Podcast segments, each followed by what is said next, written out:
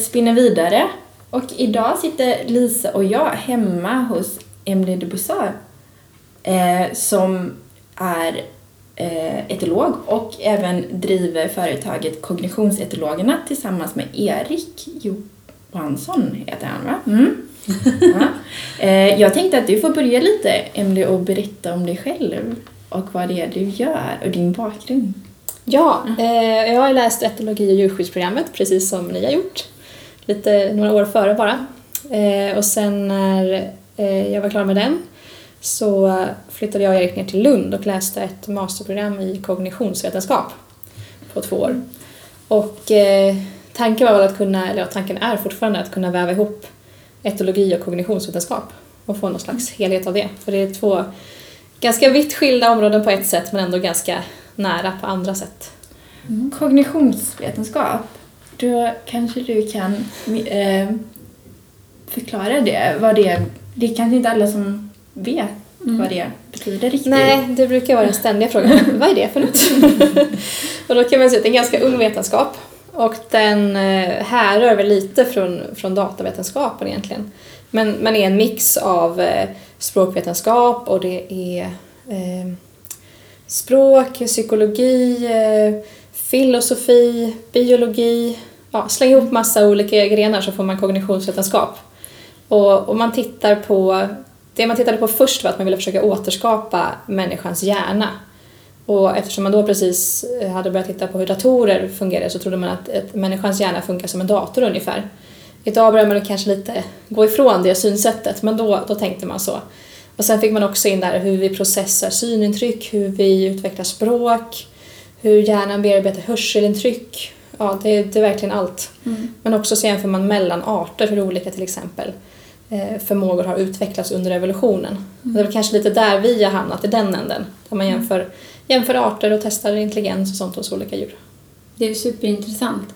Och, men när du säger ung vetenskap, för etologin blommade väl upp lite på 60-talet om jag minns rätt. Hur, om man sätter det i relation till kognitionsvetenskapen? Ja, den är, den är inte mycket äldre. Nej, den, är någonstans 1950 någonstans, ja. man väl, eller prata om det som en vetenskap i sig. Mm. Ja, just det. Jättespännande.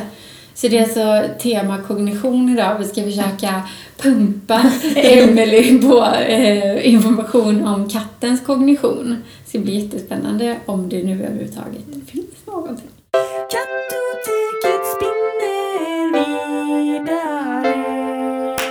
Kognitionsetologerna, hur, eh, hur verkar ni idag? Eh, vi är framförallt ute och föreläser mm. och det har blivit mest eh, hund och häst. Så jag tycker det är jättekul att få prata katt för ovanlighetens skull. Mm. Verkligen. Och vad är, vad är det för några som, som kan vara era kunder? Ja. Det, är, det är olika föreningar har vi varit hos, men också mm. privatpersoner. Lite hundklubbar och sånt där. Mm. Vad spännande. Mm. Jag tänkte att vi skulle kunna börja med och om man skulle jämföra en katthjärna med en människohjärna, vad, är det som, vad, har, vad finns det för likheter och vad finns det för olikheter? Mm, man kan ju börja prata om olikheterna för det brukar nästan vara lättast. Och då kan man ta storleken på hjärnan. Det säger sig självt att en katt har en mindre hjärna än en människa. Men, men storlek att jämföra mellan arter är inte så relevant. Man brukar snarare prata om hur stor är hjärnan i förhållande till kroppsvikten eller kroppsstorleken. Och eh, kattens hjärna den tar ungefär 0,9 procent av deras kroppsstorlek. Mm. Kanske inte så mycket. Jämför man med människan så tar ju våran hjärna ungefär 2 procent av kroppsstorleken. Och en hund har ungefär 1,2 procent av kroppsstorleken i hjärnan. Mm. Ehm, och det säger egentligen inte heller så himla mycket. Utan nästa steg är att man tittar på hur veckad hjärnan är. Alltså hur mycket... Den tar ju mindre utrymme ju mer veckad den är. Det är också något så här man har sett att ju mer veck man har desto smartare, desto mer saker kan hjärnan processa. Mm. Så katten har faktiskt en väldigt eh, veckad hjärna och det tyder ju på att den kan processa både det ena och det andra. Mm. Man har också sett att den har en ganska stor eh, del som tar hand om visuella intryck, alltså intryck från ögonen. Och det tyder ju på att synen är viktig för katterna. Mm. Ehm. Ja, man tittar också på att, eh, hur många neuroner som hjärnan innehåller. Och då innehåller kattens hjärna dubbelt så mycket neuroner som hundens hjärna. Coolt. Det är jättecoolt men ändå är det frågan om vad, hur används det här av katten? Och det är väl kanske där, så långt man har kommit att vad gör katten med sin hjärna då? Och neuroner är bara så att vi... Nervcellerna. Just det. Som förmedlar. Informationen i hjärnan. Precis, det är viktigt att ha kolla koll på. Mm, mm, precis. Men om man, för man talar ju ibland så här, eller jag vet att jag själv också slängde mig med begreppet kognitiv förmåga. Typ hög kognitiv förmåga eller låg kognitiv förmåga. Eh, och att när man talar om arter som, eller arter eller djurgrupper som typ eh, eh, vattenlevande däggdjur eller eh, elefanter eller primater. Att man då talar om en ganska hög kognitiv förmåga. Eh, vad, vad innebär det? Eller vad, liksom, vad, vad betyder det? Mm. I, I djurvärlden så är det ofta att man talar om problemlösning. Att de här djuren är bra på att kunna tänka, tänka ut lösningar på, på problem i flera steg. Och de här djurarterna du tog upp, det, är ju, det man ser lite gemensamt åt dem är att de är flocklevande. De, det alltså ställer ett hög krav på social kompetens, att kunna hålla ordning på med dels flockmedlemmar och relationerna sinsemellan. Eh, de blir ofta ganska gamla och deras avkomma, alltså ungarna, stannar länge med mamman innan de lämnar. De, har mycket, de ska lära sig mycket av mamman. ja, det. Och det här talar ju också lite emot kattens levnadssätt, Mm. så vad vi vet. Där vi har ett eh, relativt solitärt djur, där ungarna stannar inte, nej, inte så himla länge med mamman heller. Ehm, alltså det är som sagt jätteintressant och, och då jämför en helt annan Mm. art som kanske skiljer sig från det här typiska. Mm. Men för att gå tillbaka till vad kognitiv förmåga är. Ja. Som sagt, problemlösning. Ehm, ofta att man kan ha någon slags medvetenhet om sig själv. Alltså vad är jag? Eller att jag är en individ. Eh, och också ha koll på andra individer. Och det, det har man ju sett, man, ett ganska enkelt test, sånt här tidigt test man gjorde. Det var att man, man satte en prick i pannan på ett djur när det, när det inte var medveten om det. Sen fick det här djuret se sig själv i spegeln. Och om djuret började pilla på den här pricken eller var intresserad av pricken då menar man på, då förstår djuret att, det är jag, att man, den ser sig själv i spegeln och inte en annan, individ, alltså en annan katt till exempel. Eh, och då menar man på att ja, men då finns det ett, ett jag-begrepp. Sen, sen vad det innebär i praktiken det kan vi också diskutera. Innebär det att den har medveten om sina känslor eller sina tankeupplevelser och sådär och där är det ju lite svårt att mäta. Ibland går det knappt att förstå vad en annan människa tänker. Hur ska vi förstå hur, hur en annan art tänker? Mm.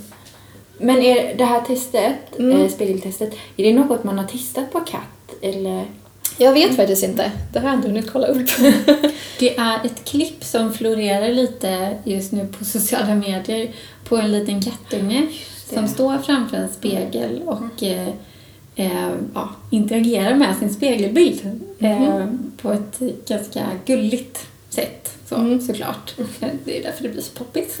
Eh, Som typ liksom att den står på baktassarna och, och kör den här krafsar med tassarna på spegelbilden. Och jag vet inte om den till och med hoppar emot spegelbilden lite och sådär. Ehm, och det är lite intressant för att dess, dens beteende tyder kanske lite grann på att den inte riktigt så här är med på att det är den själv den Mm. ser. Utan att Det kan ju också vara något som kommer alltså när den blir äldre. Ja, För när den är liten är kanske inte det så relevant och då är det mer viktigt att, att träna på att hoppa skut- och Ja, skutta. Liksom. då är leken så Ja. liksom, väsentlig. Ja, just det. Mm. Mm. Vad, vad skulle du säga annars är liksom den vanligaste frågan som, som ni får i kognitionsetologerna? Ja, men det är om hur smart ett djur är. Mm. Är det här djuret det smartaste eller är det här djuret ännu smartare? Ja. Och då kommer man in på det här begreppet med intelligens. Vad är intelligent? Och om man tittar på vad människan tycker är intelligent så är det ofta så att om du kan läsa, lösa svåra matematiska problem till exempel. Mm. Men eh, den, det, är, det är ju inte samma sak som att vara smart om man är en katt eller en hund. Nej, just det. Utan då kan det vara till exempel att man kan, ja, som vi sa lite innan där, lösa problem i flera steg. Där testar man mycket fåglar till exempel. Mm. Att man kan eh, byteshandel, byta saker. Förstå att om jag byter en grej här så får jag en annan sak här. Och förstå sådana grejer. Mm. Och det, man får ju egentligen titta på djuren, deras naturliga miljö för att kunna säga, för det är där de är som smartast. Vi skulle ha svårt att klara oss i kattens miljö. Mm. Där skulle inte vi vara särskilt smarta. Men att sätta katten inför en svår ekvation skulle inte Mm. säga så mycket om kattens intelligens. Liksom. Så det handlar jättemycket om hur man testar Mm. deras förmågor skulle jag säga. Och traditionellt sett så har vi testat väldigt många djur utifrån att synen är deras primära sinne. Bara för att människan har det som primärt sinne. Men det, det är sällan så i djurvärlden. Det är snarare att kanske doftsinnet är det primära eller att hörseln eller att något så här taktilt Mm. är viktigare för dem. Så där, där jag också ställer krav på den som designar det här experimentet. Hur, hur ska jag kunna testa det här djuret på ett bra sätt i en bra miljö?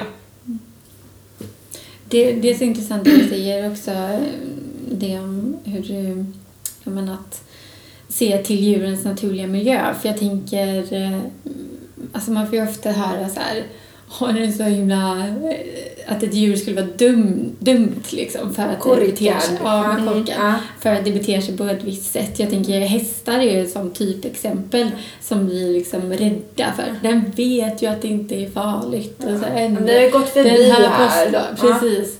Eh, hur, hur tror du hur tror du att det kommer sig att man, att man tänker så?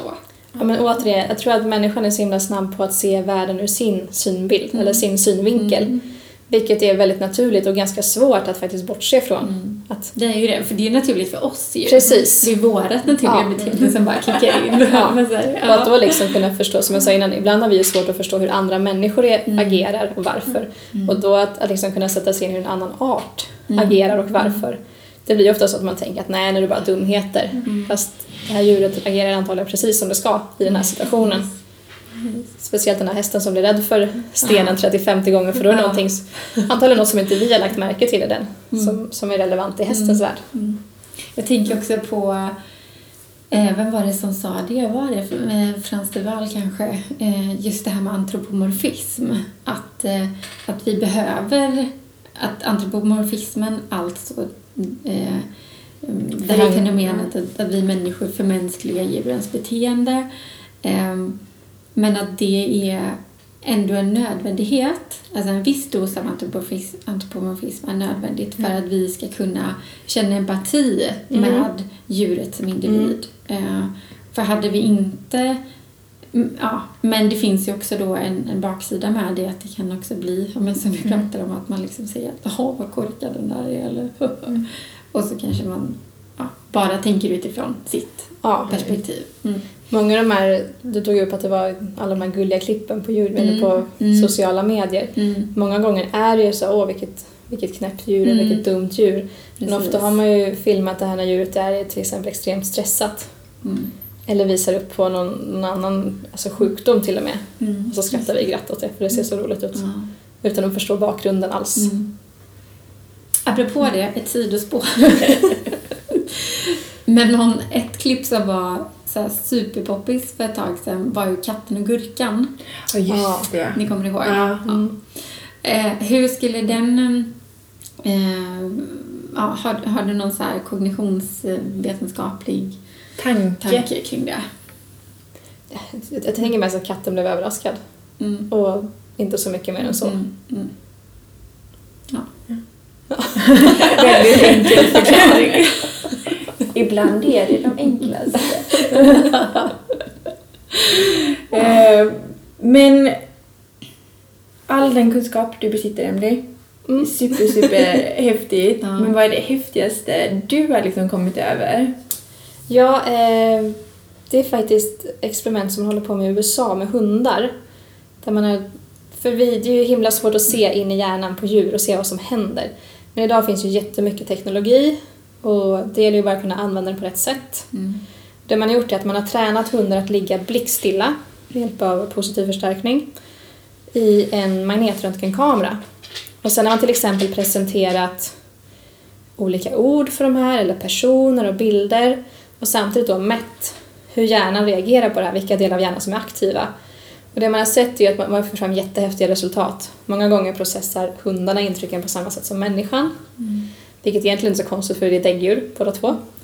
Ehm, Men just att man har fått hundarna att ligga så stilla. De ligger till och med mer stilla än om de skulle vara liksom fastsatta. Och att få till den här frivilligheten i försöken är ju fantastiskt. För tittar man historiskt så har man ofta tittat på primater Och då har fixerat huvudet med liksom skruvar in i, in i kraniet. Så att, få till, så att få till de här frivilliga testen tror jag kommer ge mer rättvisa resultat. Och att man försöker testa i inte så sterila labbmiljöer utan snarare kanske att hunden får ha med sin ägare in i det försöksrummet eller ha med sin, sin kompis eller att man har två hästar som är inne i försöksrummet istället för en häst för man vet att ett socialt djur, ett socialt flockdjur kan bli väldigt stressat av att vara själv. Så det är just hur man testar den här kombinationen tycker jag att där, där blir det häftigare och häftigare. Att man tar liksom större och större hänsyn till eh, liksom... Ja, och antagligen kommer få mycket eller andra resultat eller mer trovärdiga resultat. Precis. Ja, det är jätteintressant. Ja. Jag tänker, då kanske vi ska ta ett ko- återkoppla till katten. Ja. Ja. Eh, vad, vad finns det för intressanta grejer där? Ja, tyvärr. Eller jag skulle jättegärna vilja säga att ja, man vet jättemycket om kattens kognition, men det vet man inte. och troligtvis beroende på att man inte har hittat något bra sätt att testa kattens kognition på. Ehm, mycket så här populärvetenskapligt då är det ju att äh, katten är så självständig och den vill inte ha med människan att göra och varför skulle den liksom ja, underkasta sig människans vilja att till exempel ställa upp och vara, söka på, efter saker och sånt där, att det inte ligger i deras intresse. Så um, ja, utifrån det så vet man väl inte så himla mycket då. Eh, det man har sett, man, man tittar ju ofta på hur djuren kommunicerar med människan. Det är man ju väldigt intresserad av. Man har till exempel testat om, om katter kan följa en, alltså att vi pekar mot någonting. Just det. Och det gör de. Pektestet. Pektestet, precis. Det är typ ett så jättebasic test med hundar och allt möjligt gör man det. Men de har sett att det, det gör de. Mm. Och då funderar man också på, kan det vara en följd av domesticeringen? Eller har de gjort ändå? Jag tror inte de har gjort kontrolltester med, med ferala katter eller något sånt där, men man har sett det hos domesticerade katter i alla fall. Kan du förklara lite kort hur, hur pektestet är? Ja, det är egentligen att en människa pekar på någonting. En resurs, till exempel mat eller någonting. Och att katten då tittar på vart det här pekas och går dit. Eller följer den här eh, Signal. signalen, precis signalen. För det är ju ett, ett vanligt exempel som man tar så här... ehm, är, eller nu får ni rätta mig om jag har fel, men är det inte ett vanligt exempel som, där man jämför hund och varg? Mm, Ja. Precis. Och att det är liksom helt olika resultat. Mm, Att hunden följer men inte vargen. precis, och där har man, fast där har man fått olika resultat i olika experimentuppställningar. Ja, Från början var det så tänkte man att ja, men hunden har ju lärt sig följa mänskliga gester och så, men Ja, så har man sett att det kanske inte Det bara kan- handlar om det. Nej, precis. Vi är alltid, det är också så mänskligt tänker jag, att vara, så himla enkelspårig. Att, att vi ibland glömmer att hur komplex liksom Ja. hela tillvaron är. Ja. Sen det är klart, vi, vi pratade lite om så här förs, försöksuppställning och, och sånt där. Och då behöver man ju verkligen vara så här superkonkret och verkligen Mm. nästan titta bara på en sak. Mm. Så att man inte så här, äh, kan ta bort allting annat liksom. Men det är ju, ja man får nästan tolka resultaten också. Ja, och det som kan vara bra att veta att när man testar kognitiva förmågor det är att då räcker det med att man i princip får ett, ett test där det funkar. För då visar man på att förmågan finns. Ungefär som att alla människor kan ju inte springa 100 meter lika snabbt som Usain Bolt men förmågan att springa så fort finns hos mänskligheten. Mm. Så det är inte så att man behöver bevisa det här på 10 000 individer utan det räcker att man har ganska få Mm. För att visa att det kan, kan Vad finnas. intressant. Det är ju lite så här, du och jag jobbar ju också inom skolan. Mm. det är lite som man pratar om förmågor. Ja. Eh, alltså vid betygssättning och så också. Mm. Det är också. Och där man också kan säga att eh, ja, men vet vi att eh, har vi sett det här en gång, ja, Mm. men då vet vi också att förmågan Finns. Existerar. Precis. Ja, ja. ja kul. Kanske inte hos alla. Förhoppningsvis. Ja, vad spännande. Har du, har du något mer sånt eh, exempel på vad gäller Ja, men jag tänkte Ja. på det här, finns det någon... eh, ehm, shit, nu har jag tappat det. Men om man jämför... Kan man, finns det någon jämförelse mellan vår domesticerade katt och, eh, och eh, den afrikanska vildkatten till exempel. Mm, men det, det har man sett. Jag- Man har framförallt tittat på domesticerade och ferala katter. Och Ferala katter eh, betyder... förvildade katter som har varit tama någon gång i tiden. Mm. Så jag vet inte hur mycket man har testat just vildkatten men, men ferala katter är väl nästan att anse som, som vilda i det här läget. Då. Mm. Så, långt vi, så nära vi kan komma. Ja, just det. Jo, men det man har tittat på där då, det är att man har tittat på hur de eh, kommunicerar, framförallt med människan, genom jamningar. Och där ser man att, att domesticerade och ferala katter skiljer sig åt.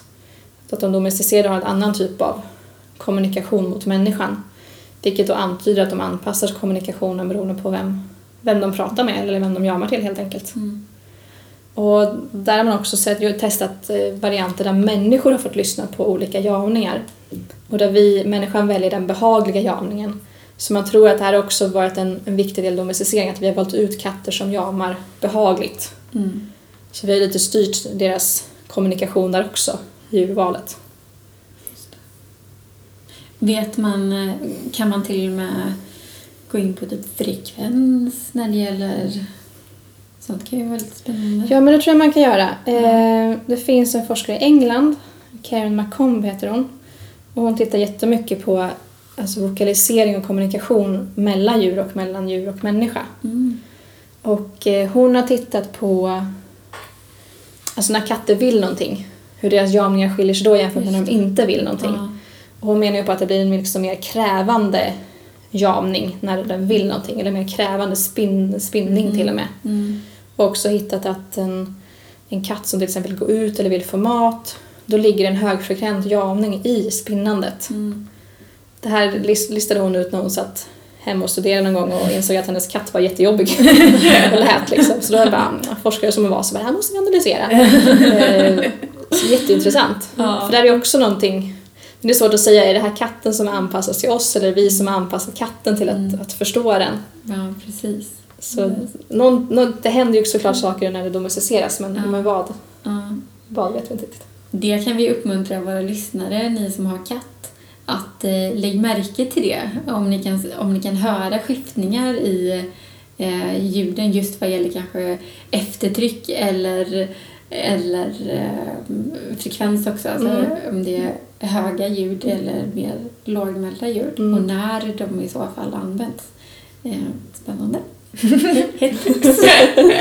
Hemma och lyssna på katter. Ja. Jag måste också bara tipsa om den här, apropå just det här med, med vokalisering, eh, det här projektet som inte jag kan uttala. Eh, Mm. Mjausic Ja. skulle jag säga, men det kanske inte alls. Ja, Kanske ska... det tycker jag låter bra. eh, där det är en eh, docent i fonetik, Susanne Schütz, Schütz jaha, eh, vid Lunds universitet som kommer undersöka eh, människa-katt-kommunikation med fokus på just lokaliseringen och eh, där i undersöka just ljud, eh, säkert också frekvenser, men dialekter har jag, har jag ett minne av att det var något så här man gick också in på. Eh, jättespännande som tror jag just är i uppstartsfasen om jag har förstått rätt. Och det är jättekul att katten får forskningsuppmärksamhet tycker jag. Ja, mer sånt. det är ju trots allt vårt vanligaste Ja. sällskapsdjur. Mm. Och ändå så, ja. Det är spännande. Mm.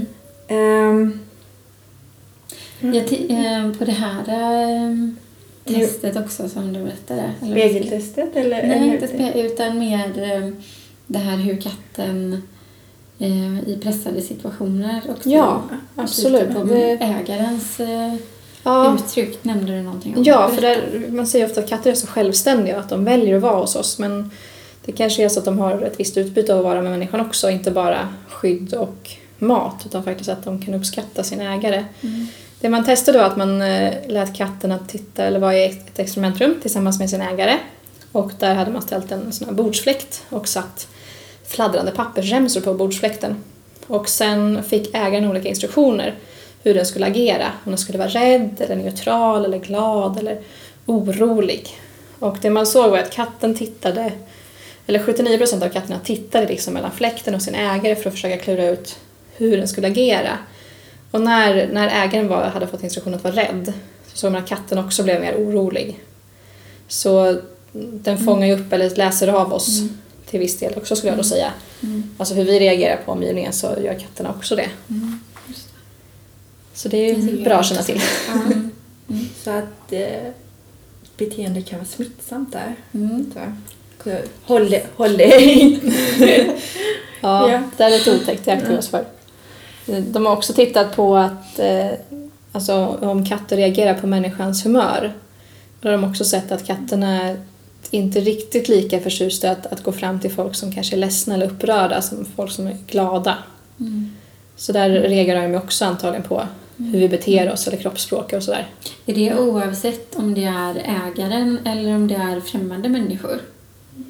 Mm, eh, det är jag faktiskt lite osäker på hur de har testat. Om de har testat människor överlag eller bara... Mm. För jag vet att många kattägare upplever ju att när, när de känner sig eh, ledsna eller upprörda, alltså upprörda på ett... Ja, Mm. när de, eller, När de inte är hysteriska. ja. Eh, så, så upplever de ofta att katten söker upp dem och, och liksom Mm. vill gärna vara nära. Det Mm. är ganska vanligt tycker jag att man, att man hör det. Mm. Ehm, Men din erfarenhet med Ester och Maja då? Vad, när, när, du, ehm, när du blir skärrad ibland Lisa, till exempel. Ja, då, då tycker jag ju att det gärna smittar av sig på, på djuren. Jag vet om, em, om jag och min sambo ibland kanske är lite oense eller hamnar i diskussioner som är lite mer Högljudd. högljudda. Ja. Ja. Eh, det mm, tycker jag att man märker av direkt. Att de blir så här spända i sitt eh, kroppsspråk och att de gärna liksom antingen håller sig lite ja, men söker lite skydd. Och med det menar jag inte att de går och sätter sig och trycker någonstans utan att de är lite avvaktande snarare. Ehm, och eh, ja, men lite öronspelet och, och sådär. Så de påverkas tycker jag. Mm. Jag kan ju märka det hos min, min hund också, Mm. fast hon är mer så här att hon går in Mm. i diskussionen. Hon Ja, är. okej. Jag vet inte hur det är. Bryter kanske. Förlåt. Att de går in och försöker bryta i... Ja, eller hon, hon, hon varvar upp sig helt enkelt. Det, det som Luna gör, min och Eriks hund, det är att hon, eh, hon bryr sig inte så mycket om när jag blir upprörd. Kanske för att det händer så sällan. Men det räcker med att Erik höjer rösten lite så kommer hon fram och ska liksom hon kommer fram med väldigt så här lugnande signaler och vad händer nu och måste kolla läget. Så, så där har hon koll på oss två också hur olika vi beter oss. Ja. Fint. Mm. Luna är för övrigt här också med oss. Jag gör inte så mycket väsen av sig. Ja. Verkar vara en ganska chill Hon har hund. nog somnat men hon tycker nog det är trevligt när vi sitter stilla. Men kan du se sådana skillnader mellan dig och Micke? Det får jag nog fundera lite på. Ehm. Nej, jag vet inte. Inget som jag så spontant eh, tänker på. Nej. Du får, du får, du får hålla ett extra öga på det. jag ska göra det. Ja. Och så filma lite där ni är som upprörda. du bara, elda upp dig nu, elda upp dig. Nej, det vore väl högst oetiskt. Det är inget jag uppmanar till. Nej.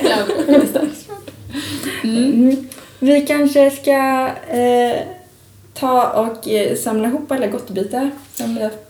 Ja, men Jaha, du. jag har en, en liten till fråga. För att, eh, vi var inne på det just med problemlösningen. Och, eh, det känns som att när man talar om kognition så ligger just fåglar eh, ganska nära till hands. Eh, Dörrhandtag. Nej, jag förstår inte vad. Jag tänker mer på de här att lösa problem i flera steg. Ja. Också så här heta, också så här heta eh, filmklipp som florerar i sociala Mm. medier som är superhäftiga. Man blir så himla fascinerad såklart, Mm. det blir man ju alltid. Alltså. Men ehm, eh, likheter, skillnader mellan ett däggdjur som, som katten då Mm. och eh, en fågel. Ja, vad heter eh, Kopp, kopp, nej, ehm, Kråkfåglar ja. framförallt. Ehm, Och dels ser ju fåglarnas hjärna helt annorlunda ut mot däggdjurets hjärna. Eh, vilket gjorde att först att, trodde man ju att fåglar inte alls hade samma kognitiva förmågor som däggdjur. Mm. Men fåglarna är, visar på oerhört hög kognitiv förmåga. Mm. Och det ska vi komma ihåg att, att fåglar som art, eller som djurgrupp, har ju funnits på jorden väldigt, väldigt länge. Så de har haft många, många år på sig att utveckla de här Mm. förmågorna. Eh, Så många gånger visar ju fåglar på kanske snabbare problemlösningar än till exempel primater. Och, och fåglarna, där ser man också lite samma, att fåglarna har ju evolverats under samma, lite samma faktor här med att de är flocklevande, de lever relativt länge, de har ungarna länge hos sig. Eh, Så att testa fåglar är helt, ja det är så häftigt när de visar just de här problemlösningarna. Det går ut på att de till exempel måste fylla en behållare med vatten för att en, en gris ska flyta upp för att de ska komma åt en liten larv eller någonting. Mm. Det fixar de galant i många fall bara genom att titta på hur de ska göra, inte ens testa sig fram. Så testar Nej, de, tar de det på första försöket. Ja. Vad ska jag heta? Ja. Men då kommer vi in lite på imitation va? Mm. Ehm, imitation av katter. Mm. Mm. Inget jag har hittat någonting om. Mm. Men där är också frågan om hur man ställer upp en, en sån situation med ett, ett solitärt djur och får en liksom vettig bild av det. För där, där gör man ju också skillnad på vilken typ av imitation det är. Mm. Om det bara är att härma en rörelse eller när djuret faktiskt är medveten om att jag härmar den här rörelsen eftersom det kommer leda till att jag får mat till Just exempel. Mm. Och där är också jättesvårt att ställa upp experiment för det så att det blir rätt. Mm. Men eh, Vad är, vad är eh, typ sann imitation? Eh, För Mm. visst finns det några olika och det finns ju någonting också där man liksom har sett att, att djuren liksom samlas på en eh, plats för att man ser att andra djur är där. Mm. Till exempel det här med eh, heter- Maritalgoxarna. ja, precis. Som kunde öppna, det heter en, inte en hands, ehm, det är, på svenska så börjar det på E och sen så är det någonting emellan. Ehm, om jag inte minns fel. Jag, jag satt och läste det här för inte så länge sedan. Ehm, men då är det liksom ett smittsamt beteende istället. Det blir Just det. inte, Mm. Det är inte att eh, Och det kan också Ja. vara platsbundet. Visst, att, att det mer har med platsen att göra. Så är är det mer tillfälligheter att de gör samma sak Mm. på Ja. Det kan det också vara. Ja. Eh, men om jag inte minns fel så är det liksom, om man definierar imitation så är det en, en ett beteende som aldrig har utförts tidigare av den här individen. Alltså, Mm. ja. Mm. Eh, som vanligt lite luddigt från min sida. men ja. men eh, så, ja.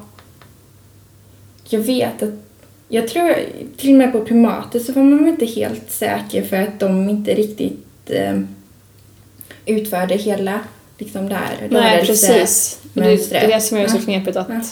att testa det. Mm. Men det är ju något man tittar ganska mycket på. Om imitering eller om djur kan lära av att se andra djur göra saker. Mm.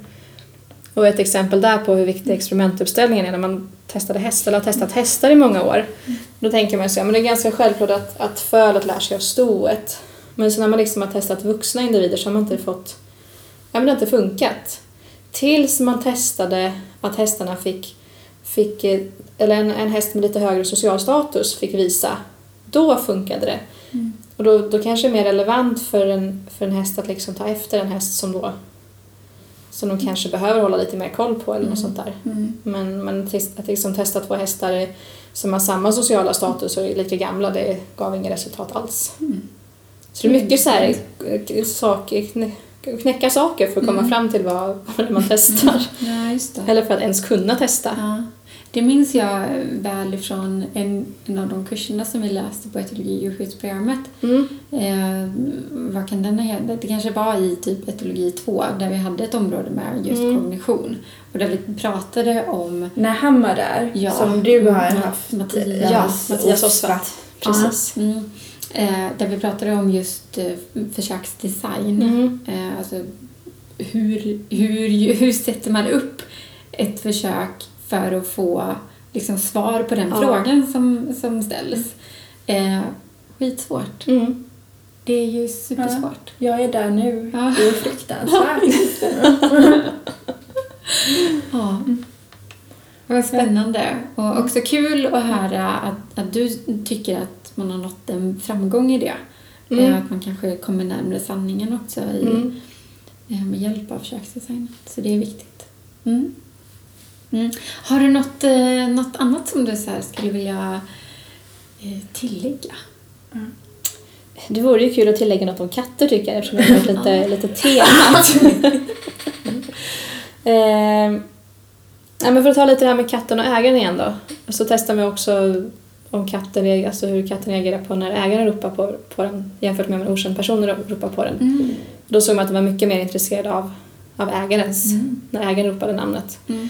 Men, men katten gjorde kanske inte som hunden att den kom springandes. Utan den kanske bara vred på huvudet eller vred på örat. Lite sådär. känner man ju igen. Ja, så den, den visar intresse, men, men på sitt sätt. Ja, det. Och det är väl kanske lite sådana här grejer också som gör att katten har fått ryktet av sig att vara så självständig eller ja, inte så intresserad av människan. Men det är ju som sagt, det är ju som vi upplever det, man jämför ofta katt och hund. Och där hunden har ju ett helt annat samspel med människan.